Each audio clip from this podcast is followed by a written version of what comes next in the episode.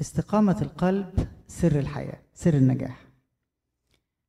نموذج يوسف هو نموذج جميل جدا بيقدم بيقدم آه، نموذج رائع.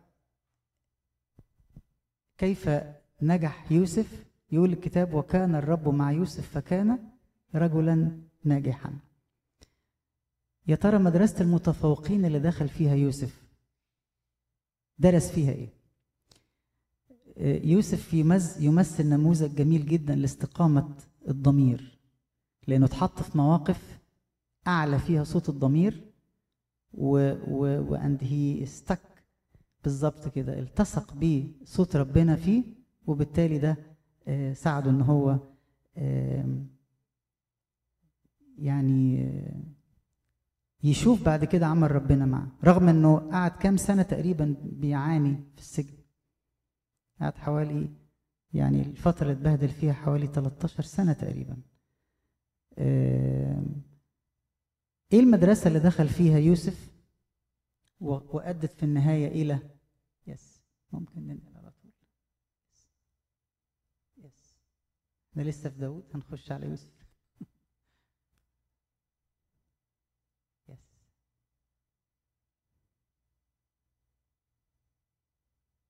yes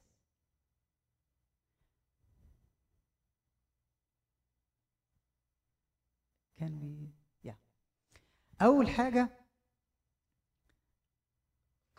إنه يوسف اتربى في عائلة لا تعرف الأمان ولا الاستقرار. أبوه يعقوب الأرمل آه، تصور إنه هيجد أمانه في يوسف الطفل المحبوب المدلل. الابن يوسف المدلل وجد أمانه في كونه الابن المفضل لأبيه. الإخوة الغيورين if we look at the family يعني شعروا بعدم الأمان من يوسف ولقوه بيهدد مصدر لتهديد ليهم. وبالتالي ابتدى يبقى فيه الغيرة قدت إلى كمان إلى إيه؟ إلى يس إلى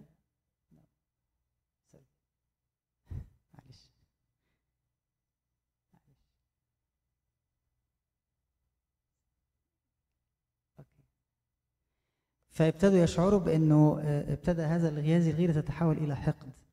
وعارفين كلنا القصة مشيت إزاي.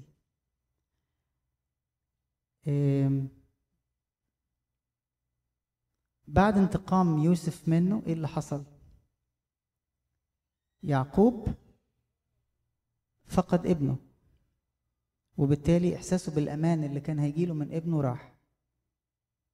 يوسف فقد أمانه لأنه آه اللي كان موجود في محبة أبوه واللي قاد في النهاية إنه كمان فقد حريته لأنه اتباع كعبد. والإخوات فقدوا سلامهم وأصبح عندهم باستمرار عقدة الشعور بالذنب لأن هم سلموا أخوه. فأول درس يبدو إنه درس صعب جدا وغريب جدا لشخص قيل عنه إنه ناجح جدا ومستقيم القلب جدا إنه مر بسلسلة من الفشل الأسري.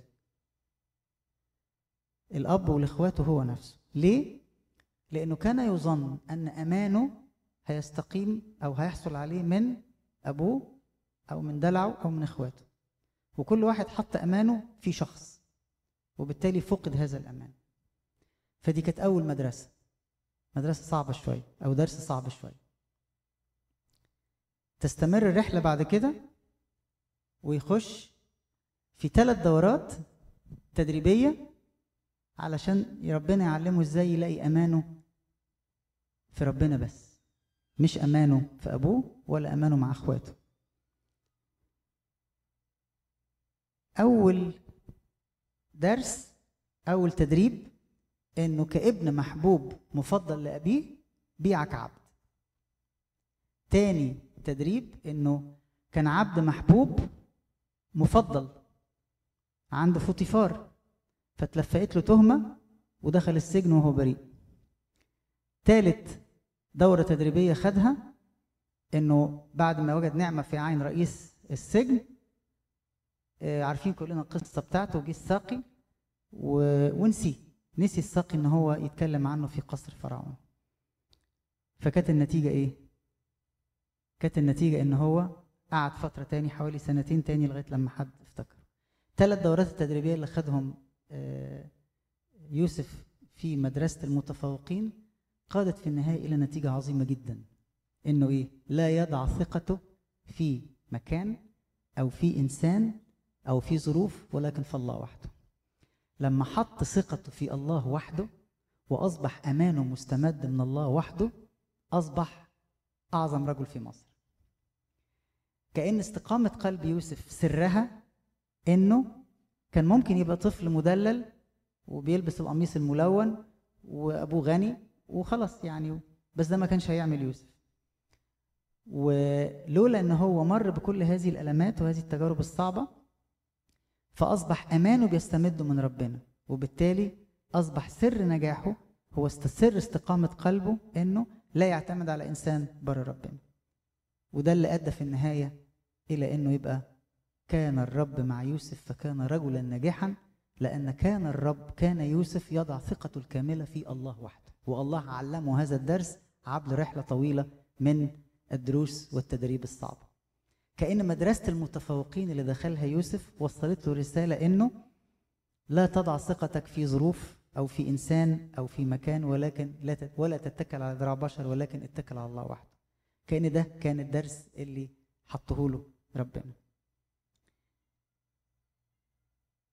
نقول شوية تراتيل مع بعض. بت بتفكرنا كده بكيف يكون القلب مستقيم أمام الله. عارفين كلنا ترتيبة ما لم تباركني ربي؟ نقولها كلنا سوا.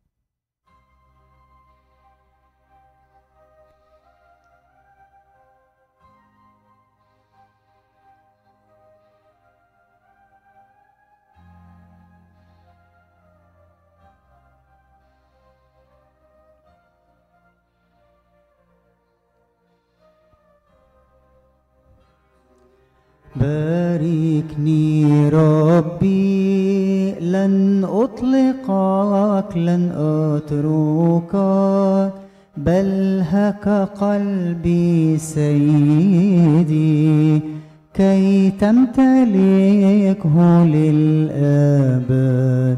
يا سيدي ربي المعين يا من وعدت يا آمين.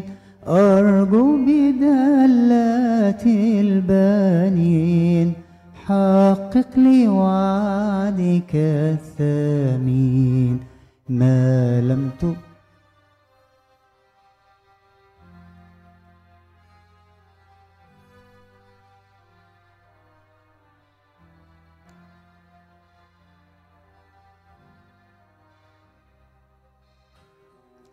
باركني ربي لن أطلقك لن أتركك بل هك قلبي سيدي كي تمتلكه للأبد.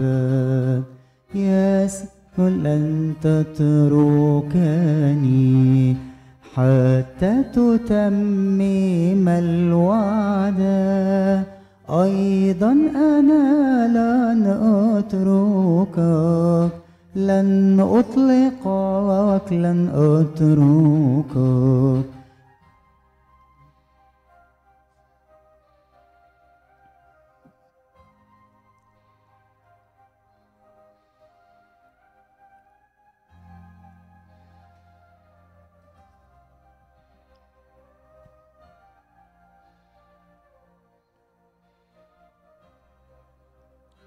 لم تباركني ربي لن أطلقك لن أتركك بل هك قلبي سيدي. كي تمتلكه للأبد. لو قضيت ليلتي أجاهد في خلوتي ما لم تباركني ربي. لن أطلقك لن أتركك.